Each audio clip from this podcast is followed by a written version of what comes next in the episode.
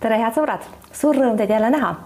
täna ma ajan stuudios juttu Siim Kiisleriga, pikaaegse Isamaa ja selle eellaserakondade poliitikuga, tervist. tere. ja me ei räägi teiega mitte sõjauudistest, nagu me viimastel päevadel kogu aeg ainult kõneleme. vahepeal on nimelt toimunud üks äh, suur Isamaa sõda väiksemas mastaabis ühes erakonnas, nimelt teie koduerakonnas ja teie ligemale kolmkümmend aastat või isegi tegelikult natuke rohkem selles erakonnas olnud poliitikuna olete järsku tänavale heidetud, teid visati erakonnast välja koos Lavly Perlingu, Tõnis Konsi ja Kristjan Vanaseljaga ehk siis parempoolsetega. kuidas see niimoodi läks, vaevalt et te kujutasite oma poliitilist karjääri säärasena ette, et olete kolmkümmend aastat ühes erakonnas ja siis järsku visatakse teist välja? või oli see ootuspärane? olen olnud kaua niimoodi lihtsalt lihtliikmena erinevates nendes eellasorganisatsioonides ja, ja kokkuvõttes selles erakonnas ju ka oma arust väga palju panustanud jah, tõesti. olete nagu... olnud kaks korda minister või isegi kolm korda? kolm korda jah, ja Riigikogus. no kuulasin nädalavahetusel Anvar Samosti saadet, ta ütles, et inimene on praktiliselt kogu oma elu andnud erakonnale, et noh, see on väike liialdus, aga ikkagi väga palju kindlasti jah, ja olen muretsenud selle erakonna käekäigu pärast no,, tõsiselt panustanud sinna et ega ma lõpuni ei uskunud, et see juhtub ka siis, kui oli see koosolek ja ma seal sõna võtsin ja veensin inimesi, et, et see on kes, no loll mõte. ja siis enne hääletust ikka oli tunne, et noh, et ei, nad ei saa, nad ei saa nii rumalat valikut nad teha. Nad ei tee seda ei no jah, noh, ühtepidi mõistus just, et teevad, aga teistpidi mõtlesin, no ei saa, inimesed ei saa nii rumalat, nii rumalalt otsustada, aga, aga tehti ära jah no te ise saite enda väljaviskamise vastu hääletada, aga sellest ei piisanud ikkagi eestseisvusesse häälte ülekaal teie väljaviskamise poolt tuli nii suur, et te tõesti teid tänavale heideti sealt. ja osa ei hääletanud ja siis osa hääletas vastu, aga siis oli ka palju neid, kes poolt hääletasid, jah mis häda oli Seedril just praeguse väljaviskamise aktsioon ette võtta, kas võib-olla ta tõesti lootis, et sõjauudiste varjus ei saa see aktsioon nii palju tähelepanu, kui ta muidu tavaolukorras saaks? no kindlasti see ka jah, et sellisel noh, raskel ajal inimeste tähelepanu on mujal ja see on arusaadav, eks meie kõigi mõtted on ju Ukrainaga ja, ja sellisel hetkel on hea selliseid väikseid äh, pättusi korraldada väike pättus on muidugi pehmelt öeldud, arvestades, et tõepoolest olete terve elu selles erakonnas olnud, aga kuidas see ikkagi käis, see konkreetne väljaviskamise aktsioon seal, no toimus hääletamine nii, aga noh, kas teil näiteks leidis aset ka mingi säärane dialoog, et Seeder ütleb, et kuule, sina, Siim, anna nüüd oma partei pilet, sinu aeg selle, selle erakonnas on läbi, ole nüüd hea ja pane uks väljastpoolt kinni või kuidas, kuidas see väljaviskamine siis veel käis täpsemalt? ei, sellised, sellistes erakondades, mis kahjuks ütleme, Isamaa on kaotanud oma demokraatliku hoiaku ja demokraatliku olemuse et sellistes äh, autoritaarsetes organisatsioonides ju on teada, kuidas asjad käivad, et alguses hakatakse seda fooni looma. no tegelikult esimene märk tuli juba ju ülemöödunud aastal, kui ilmus üks kiri, hakkas äh, sotsiaalmeedias ringlema, et kuule, parempoolsed, noh, sisuliselt sõnum oli, et tehke oma valik ja minge ära siit erakonnast, et te, te ei kõlba siia. eks seda fooni ju köeti ja köeti, eks seda oli näha, et lõpupoole see järjest kasvas, tekkisid mingid kirjad erakonna listi kirjad, millele ei saa vastata, sest sulle puudub juurdepääs sellele samale erakonna listile, mille kaudu kõigile liikmetele seda saadetakse, kus, kus äh, tegevust kritiseeritakse, parempoolsete tegevust tervikuna, mitte konkreetselt äh, minu kui isiku ja, ja siis seda fooni luuakse, luuakse, sa saad aru, et see asi läheb sinnapoole ja siis lõpuks on, äh, sul istub koosolekul üks inimene, kes siis võtab äh, ette kirjutatud teksti ja loeb ette, et sellega seoses teen ettepaneku välja visata need ja need inimesed on ju niimoodi. no siis ütleb siis selline isake, et noh, paneme siis, siin on tulnud ettepanek, paneme selle hääletusele aga no enne seda olid muidugi kirglikud sõnavõtud pikalt, väga hea, väga suurepärase sõnavõtu tegi Viktoria Ladõnskaja, Sven Sester, inimesed, kes ütlesid, et kuulge, kõik mahuvad siia erakonda ära, et see on ju enesehävitalik käitumine tegelikult ühe erakonna poolt, et üldiselt mina oma, kui ma püüdsin veenda inimesi, siis ma ütlesin ka, et vaadake, et erakond, millel on instinktid terved, ta alati püüab laieneda, ta püüab haarata uusi valijagruppe, ta püüab äh, enda seas kasvatada säravaid liidreid, kes kõnetaksid erinevaid inimesi, eks ole, et on, on selge, et alati erinevad poliitikud kõnetavad erinevaid inimesi ja erinevaid valijagruppe. et noh, näiteks ma tõin Lavly Perlingu näite, et iga erakond on õnnelik, kui tema rivis kasvab suureks selline vaieldamatult tuleviku täht Eesti poliitikas. ja siis kui sa näed, et erakond pigem nagu kahaneb, kahaneb ja, ja, ja see hoiak on selline, et ah, meil on siin kohti järjest vähem ja kõik on, mis ta nüüd tuleb siia, et jagab siin seda meie väikest seda koogitükki ringi, et parem, parem kui teda siin ei ole. noh, et see näitab, et asjad on paigast ära läinud. no vaatame natuke seda parempoolsete lugu lähemalt, et tegelikult parempoolsed ju tekkisid opositsioonilise rühmitusena erakonna enda sees ja kõrvalt vaadates võiks ju tunduda, et miks oli teil tarvis üldse parempoolsetel, ma mõtlen, hakata Isamaaga jamama, et oleksite võib-olla ausam oleks ehk olnud teha oma erakond. et äh, selline maakera sees ei saa ju olla suurem maakera no me kindlasti ei defineerinud ennast opositsioonilise erakonnana, seda no, templit hakati meile. Te olete ikkagi vaieldamatult Seedri vastu, oli ju nii? no algselt oli lihtsalt meil inimestel oli mure ja me kirjutasime selle manifesti noh, umbes kümnekonna inimesega isegi natuke vähem, aga lihtsalt südame pealt ära, mis meid vaevas Eesti poliitikas. ja siis selle manifestiga hakkasid inimesed ühinema. me lihtsalt tahtsime öelda, et mis meie arust on Eesti poliitikas puudu, mis meie oma erakonnas puudu on, et me kuidagi defineerinud, me muidugi me saime aru, et erakonna esimehele see ilmselt ei meeldi, erakonna peasekretärile see ilmselt ei meeldi, aga me tundsime, et see, see tuleb välja öelda, sellest tuleb seista nende väärtuste eest.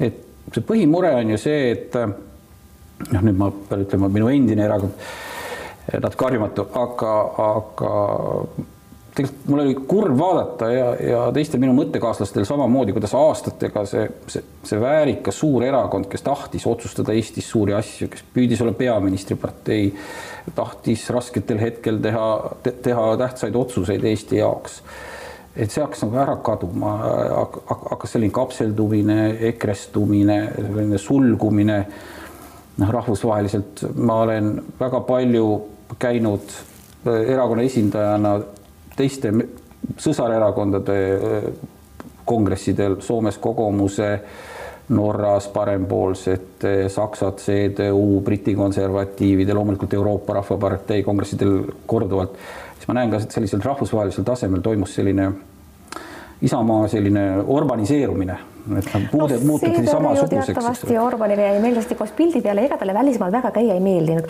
no,. ja et kaotati ära selline suurus ja väärikus, et mindi ikka väiksemaks ja kitsamaks ja selliseks mini-ekreks kogu aeg ära ja see vaevas, vaevas, vaevas. aga kas ei olnud ikkagi niimoodi, et äh, tegelikult kui Helir-Valdor Seeder sai esimest korda erakonna esimeheks, siis teie teda ju pooldasite. oleks võib-olla liialdus öelda, et teie teda erakonna esimeheks tegite, aga et Tsahkna teile ei sobi, mul on väga hästi meeles. Tsahkna teile ei meeldinud ja kui Seeder alguses sai, siis te tegelikult toetasite seda, on mul õigesti meeles? E, jah, ma arvasin, et kindlasti peab tulema erakonnal uus esimees ja valik oli e, Seedri ja Iva vahel, ma arvan, ma ütlesin selle ka välja, mõlemad olid väga head väärikad kandidaadid. aga Seeder oli teie meelest väga okei okay ja isegi parem e Seeder õigustaski ennast, et kui te mõtlete tagasi, see oli vist kaks tuhat siis. kaks tuhat seitseteist sai ta. jah, kaks tuhat seitseteist, siis äh, kohe pärast seda toimusid kohalikud valimised. erakond sai suhteliselt hea tulemuse, no ütleme sellele olukorrale vastavalt ja siis tulid Riigikogu valimised ja kui te mõtlete, Isamaa oli raskes seisus, IRL siis tookord ja sai kaksteist kohta Riigikogus, et tegelikult see oli hea tulemus. inimesed tajusid sellist selget juhtimist, selgeid sõnumeid see paranes kindlasti erakonnas. aga, teate, aga siis hakkas allamäge tulema. kohe ju paistis välja, mis mees see Seeder on, trampis teine poriste saabastega eestlaste magamistubadesse, kohe näitas, mis, mis suunas erakond liikuma hakkab. ma poleks arvanud, et ma nüüd siin Seedrit kaitsma hakkan siin teie saates, aga. aga nii oli ju ta ju oli alguses täiesti, täiesti selline demokraatlik juht. aga siis asjad läksid halvaks siis, kui tuli see koalitsioon EKRE ja Keskerakonnaga ja siis hakkas selline väärtustest loobumine ja selline EKRE jäljendamine, et noh no see oli tegelikult me oleme ju kõik me oleme kõik isamaalised inimesed, et äh, ka parempoolsed kõik, miks me selles erakonnas oleme olnud, et me oleme ju Eesti patrioodid, me äh, hoolime eesti keelest, Eesti kultuurist, Eesti rahvuse püsimusest. No kaks tuhat üheksateist ei ole enam mingit vahet siis..., EKRE Isamaa olid väga sarnased, võtta üks ja viska teist. tegelikult juba tollel hetkel oleks võinud teil valimiste ajal ei olnud veel sarnased. ma mõtlen pärast valimisi. no pärast siis, valimisi, siis tuligi see koalitsioon Just. ja siis hakkasid tulema näiteks noh, mis minul olid tõsised äh, erimeelsused tõesti, Seedriga oli. abielureferendum.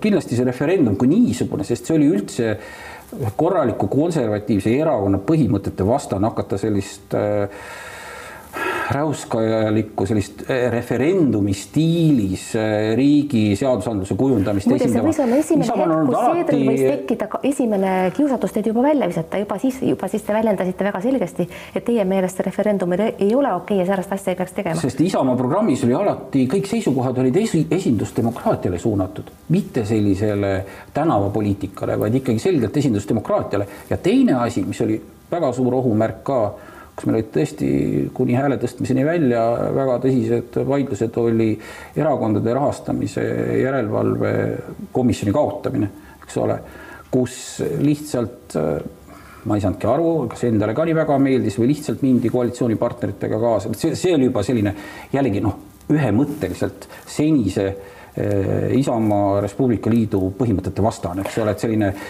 demokraatliku läbipaistva Äh, korruptsioonivaba ühiskonnakorralduse vastu samm. kui ikkagi erakonna juhti heidab välja nii staažika liikme, nagu teie olete, siis seal peab olema peale selliste äh, ütleme, ideoloogiliste vastuolude ja põhimõtteliste väärtusvastuolude ka teatav isiklik sallimatus.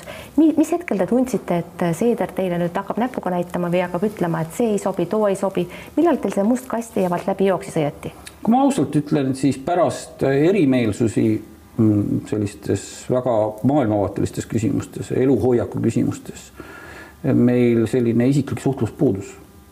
Te pole tükk aega üldse rääkinudki? üks-ühele mitte, kindlasti me vaidlesime Riigikogu fraktsiooni koosolekutel, kaitsesime kumbki oma seisukohti, me vaidlesime erakonna juhatuse koosolekutel, aga me ei ole üks-ühele rääkinud pärast seda. nii nagu ka näiteks Lavly Perling ei ole tegelikult ju kordagi Seedriga üldse rääkinud kuigi ta kandideeris, siis tema kõrval võeti vastu siis, kui viimati erakonnale juhti valiti ja tookord Berling kaotas päris suurelt. nüüd viimati. mis kui... suurelt, no kolmandik no,, kaks kolmandikku et kolmandik ühest erakonnast on ikkagi väga oluline osa Hendrik Hololei, kes eh, on lubanud nüüd ka kõrge euroametnik, et ta Isamaa ridadest lahtub, muide ma praegu vaatasin, praegu ta veel ei ole vist lahkumisavaldust esitanud või vähemasti ei ole seda rahuldatud, on öelnud, et parem, et Isamaa lakkas sellega olemast.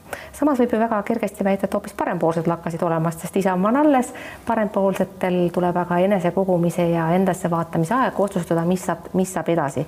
seda, selle järele tahakski pärida, et mis siis edasi saab, teil on juba järgmisel nädalal üldkogu, ma saan aru ja kuuldavasti olete otsustanud poliitikas kõik jätkata lausa siis uue erakonnana, kas ma olen õigesti aru saanud asjadest?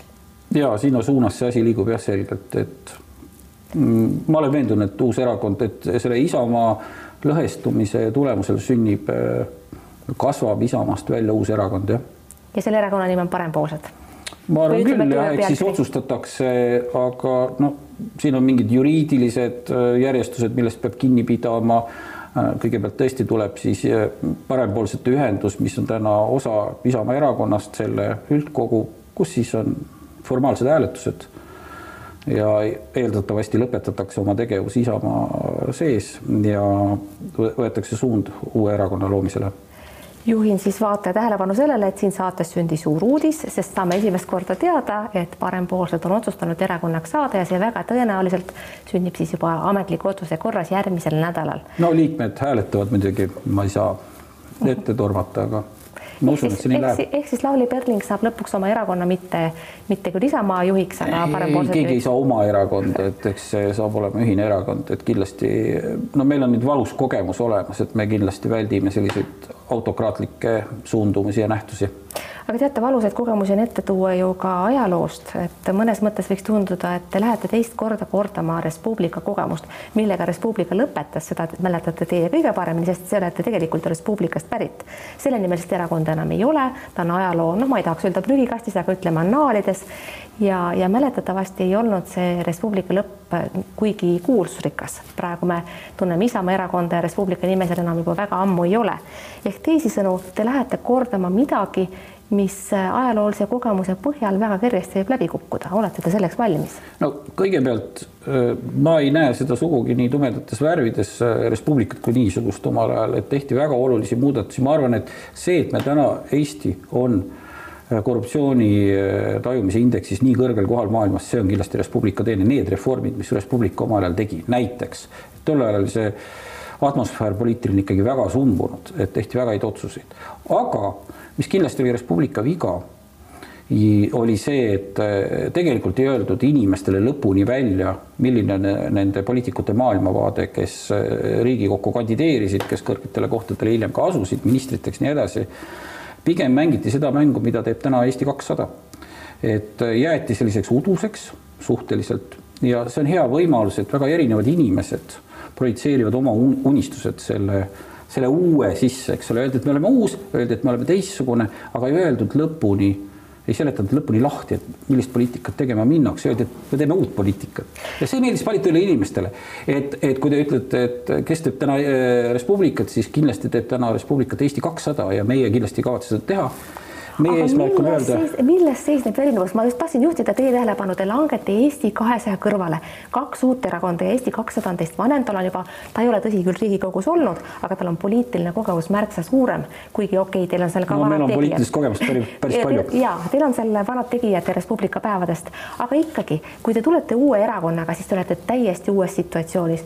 mismoodi te siis äh, mahute sinna Eesti kahesaja kõrvale ja ütlete, et näete, armas Eesti valija, siin on teile kaks uut erakonda, võta, millist mis tahad, kumb on parem? Eesti kakssada ei olegi enam nii uus erakond, et.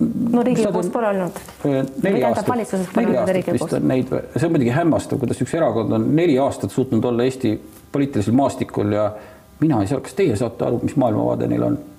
ma tahaks kõigepealt aru saada, mis, mis maailmavaade siis parempoolsetel on ja mille poolest erineb see Eesti kahesajast? no vot raske öelda, sellepärast et ma ei saa aru, nende esimees tundub olevat pigem sots vist või, või ma ei saa täpselt aru tegelikult ei saagi aru, et nad ajavad sellist mõnusat udujuttu ja keegi ei saa aru, mis nende maailmavaade on. meie eh, parempoolsete visioon on selgelt, me ütleme selgelt välja, me tahame ehitada parempoolse, korraliku, traditsioonilise parempoolse erakonna Eestis, kes on Eesti patrioodid, aga kes rõhutavad ka ka äh, majandust, äh, ettevõtlusvabadust. inimesed, kes, kes saavad aru, et raha ei tule kuskilt äh, pangaseinast või, või võlgu elamisega ei saa tegelikult rikkaks või et võtame kõvasti laenu või no mis on täna Eesti poliitikas täna domineerib, eks ole, ümberjagamine, kõik räägivad sellest, kuhu me raha paneme, mitte keegi, ükski erakond ei räägi sellest, kust raha tuleb.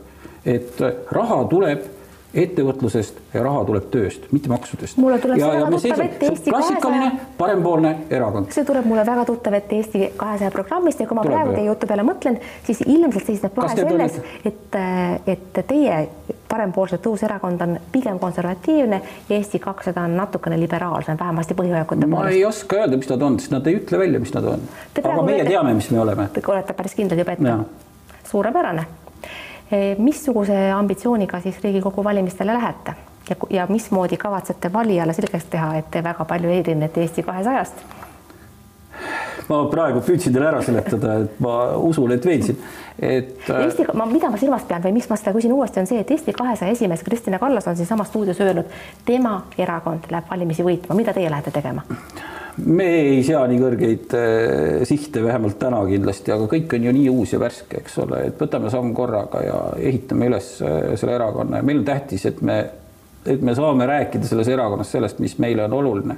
seesama noh, mis meid vaevanud on, seesama, mis ma enne kirjeldasin, et et kuidas Isamaa on kaotanud oma sellise hoiaku, et et Isamaa on ju neid reforme Eestis teinud oluline oluline põhjus selleks, miks Eesti on täna selline edukas riik, nagu ta on. kui te seda erakonda täna vaatate, see erakond pigem on selline virisev ja kritiseeriv. Et me kindlasti oleme uhked Eesti üle, me oleme uhked selle üle, mis Eesti on saavutanud, me tahame seda hoida, me tahame, et needsamad vanad väärtused, neid kantakse edasi. me oleme, me oleme uhked, et Eesti on osa Euroopast, me ei, me jah, me ütleme välja, me seisame läänelike väärtuste eest. läänelikud väärtused ongi need demokraatia, need ja ka Eesti väärtused. no aga kust leiate teie, kes te olete kolmkümmend aastat kolmkümmend aastat, ma rõhutan veel kord, olnud selles erakonnas, kust te võtate selle selle värske näo või värske jõu ja uue tulemise. mina näen Siim Kiisler, ikka seesama Siim Kiisler, kellel, kes on kuulunud kolmkümmend aastat sellesse erakonda, kuidas ma hakkan uskuma, et see, mida te esindate ja teie kaaslased esindavad, on uus värske ja viib kuhugi välja? parempoolsete ehitamisel ei ole kindlasti minu roll äh, määrav, et siin on ikkagi tuumik inimesi, kelle silmad säravad ja tahavad midagi ära teha, et ärge, ärge, ärge vaadake selles mõttes minu otsa. ma vaatan päris kindlasti teie otsa, sest teie poliitiline kogemus on suur, te olete olnud mitu korda minister, te olete pikaajalise Riigikogu kogemusega ja tegelikult ei, see ei olnud te ju viimati minister üldsegi nii ammu, see oli umbes viis aastat tagasi, et erakond võiks teile ju äh, juhul, kui teil läheb valimistel hästi, uut, uuesti ministrikohta pakkuda. millisest portfellist on juttu olnud? laske meil nüüd sõnastada see, mida ma teile enne rääkisin, ilusti programmiks me tuleme välja oma sõnumitega, ma olen veendunud, leiduvad inimesed, kes tahavad neid sõnumeid ja seda eluhoiakut äh, ühiskonnas kanda ja kellel on kindlasti sellist äh, entusiasmi ja kirge rohkem kui minul. mis saab Isamaast? ja ma püüan kindlasti aidata ja kogu oma kogemuste pagasi kaasa võtta sellest suurde erakonda.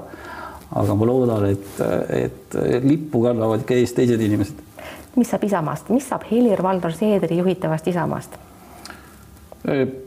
Ma ei usu, et on võimalik äh, hoida sellist kahte väga ühes nišis, mõlemad ka sellist selgelt autokraatliku suundumusega erakonda, et. Äh, et äkki võiks Isamaa ja EKRE leivad ühte kappi panna? EKRE ja mini-EKRE, et ma arvan, et Isamaal seisavad ees väga tõsised öö, äh, otsustuskohad, et ma arvan, see Isamaa loogika on olnud see, nagu Helir-Valdor Seeder seda ka välja öelnud, eks ole, et et näete, hoiame sinna EKRE külje alla täidame ära oma põhilubaduse pensionireformi ja küll siis reiting hakkab tõusma aga elu näitab, et noh, see asi ei kanna, see lihtsalt ei kanna. pensionireformi vastu te ju vist väga ei olnudki ju, pensionireformi vastu te ju nii väga ei olnudki. ma ei olnud, ei olnud vastu. ma küll ei mäleta, et oleks lärmanud. iseenesest ju üldiselt päris nõme asi, mis tehti. Need ma ei ole, vot siin ma ei ole teiega nõus, sellepärast et noh, tagantjärgi öeldes ta oleks võinud olla mm, leebem, aga reformi oli igal juhul vaja, sest see, mismoodi inimeste säästudega ümber käidi enne seda reformi, noh, see oli täiesti lubamatu. konkurentsi, konkurentsi ei. Konk, mina olen väga rahul, sellepärast et nüüd on konkurents. Selle teenusepakkujad saavad aru, et kui nad käituvad minuga inetult, siis ma võtan raha välja, viin ära, mul on teised variandid, aga sinnamaani mul ei olnud valikut aastate viisi ma olin ühes fondis lootusega okay., et see, et see töötab hästi, et ma ühel hetkel hakkasin süvenema, mis need tulemused on. siis ma olin aastas, kui ma neid tulemusi nägin, punkt üks ja punkt kaks, siis ma sain aru, et nad ei olnud nende aastakümnete jooksul mulle isegi kordagi kirja kirjutanud. aga raha jätsid ikka sinna lõpuks? ei, vahetasin jah. võtsid, vahetasite fondi? ja reklaami olen tulevas ja tuleva okay. liige ka. okei okay., aga tuleme korraks veel tagasi selle võimaliku Isamaa ja EKRE liitumise juurde. sellest on räägitud näiteks ka seoses Viktoria Ladõnskaja lahkumisega erakonnast, justkui siis äh, tema, tema ütleme, otsus mitte kandideerida tulevastel valimistel võiks seda teed sillutada, kuid rahastajate seisukohast äh, ei tundu see kuigi usutav, ma väga ei usu, et Isamaa rahastajad hea meelega annaksite raha näiteks sellele seltskonnale, kes EKRE-sse kuulub, eeldusel, et need kaks leivad ühte kappi paneks. ehk ma kujutan ette, et et äh, ei, ma ei, ma ei oska teile siin ma ei oska teile siin täna väita, et kindlasti EKRE ja Isamaa ühinevad, eks ole, aga ma lihtsalt tahan öelda, et ei ole võimalik, et kaks erakonda õitsevad sarnase äh, siseorganisatsiooniga, kus sellist äh, erimeelsusi ei taluta, ei sallita kus eriarvamusi ei tolereerita ja samal ajal hoides ka suhteliselt sarnasesse sellisesse noh, digekonservatiivsesse nišši, eks ole. et no EKRE ei ole kindlasti konservatiivne erakond, aga, aga paljust teda nii tajutakse, aga noh, selline, selline tige hoiak, noh, sinna ei mahu ära, seal võib olla üks suur, üks pisike, kes kõigub äh, seal künnise peal, võib-olla alla, kui hästi heal päeval üle, eks ole, aga kindlasti mitte kaks suurt, eks ole. hästi ma olen paljude külaliste käest küsinud, küsin ka teie käest, te e-, uue erakonna e, eesmärke keeldusite sõnastamast, ma saan aru. kuidas ma keeldusin? no pea, peaministri ees, selles mõttes eesmärgid, et peaministri parteist ei püri, isegi Riigikogu ei nimetanud otsese eesmärgina, sain ma teist õigesti aru, jah? no esimene eesmärk on oma väärtused sõnastada, leida endale toetajaid okay.. muidugi tahaks Riigikokku, jah. see oleks ikka päris kena, eks ole. aga küsida tahtsin hoopis seda, et kes võidab järgmised Riigikogu valimised? Teie veel mitte, ma saan aru. oi täna on, erakonna ülesehitamine võtab aega, me oleme realistid, aga ma usun, et meil on oma võimalus, sellepärast et poliitiline maastik on praegu väga, väga suures ju muutumises olnud, et kui te vaatate viimase aja reitingute muutusi, siis seal ju noh, panevad reitingud kümme protsendipunkti sinna-tänna, eks ole, suurematel väga suured muutused, kui te vaatate, kuidas Reformierakond on käinud üles-alla, kuidas Keskerakond on muutunud, et need on nii ja noh, Eesti kakssada, et need on nii suured muutused, et ma olen veendunud, et need valijad, kes seal praegu üks kuu ütlevad äh, näiteks Reformierakond ja järgmine kuu ütlevad Eesti kakssada ja praegu võib-olla keski tagant ära läinud, et äh, ma arvan, need inimesed ei ole kinnistunud veel kuhugi. Okay.. et seal on päris suured protsendipunktid on täna laokil Siim Kiisler, ma saan aru, viimane küsimus, te olete Eesti poliitikas aktiivne ja saate ilmselt veelgi aktiivsemaks, kui te olete uues erakonnas. kuivõrd olete te valmis aru andma mingite vanade asjade üle, no näiteks mulle tuli van, vanade asjadega seoses meelde see kurikuulus miljonipeldik, mis ehitati sinna Toompeale sel ajal, kui te olite Tallinna kesklinna vanem, et te pidite korduvalt aru andma, et te pole absoluutselt üldse süüdi selles, et see nii totralt kalliks läks. et võib-olla hakatakse seda teile uuesti meelde tuletama, kui mulle tuletatakse kõiki asju kogu aeg uuesti meelde. olete selleks valmis ka? Selle Toompea tualetiga äh, selle asja ma andsin prokuratuuri. see jõudis sinnamaani, et inimesed olid kohtu all ja need, kes selles süüdi olid, selles rikkumises, said kriminaalkaristuse, nad on kohtukorras karistatud inimesed. nii et äh, see oli minu algatus, see asi prokuratuuri, ma viisin ise. ja veel täitsa viimaks, mis saab teie ettevõtlusest, te olete viimasel ajal sisenenud ettevõtlusse, teil on äh, päris hea mitu firmat, millega te olete seotud kummale langeb siis teie tegevuse põhiraskus läheb lähemas tulevikus, kas ettevõtlusele või poliitikale? no kuna ma olen nii kaua avalikus sektoris olnud, siis mul säästu nii palju ei ole, et ma pean ikkagi päris tööd tegema ja minu igapäevane töö on tõesti ettevõtluses ja see on minu põhitegevus ja poliitika on minu hobi olnud nüüd juba aasta aega ja on edasi. seda on huvitav kuulda inimese suust, kes on rohkem kui veerand sada aastat professionaalse poliitikuna tegutsenud. Siim Valmar Kiister, suur tänu teile stuudiosse tulemast, head sõbrad, aitäh, et te vaatasite vaadake järgmist saadet ikka jälle, olge vahepeal terved, mingu teil hästi, kuulmiseni ja nägemiseni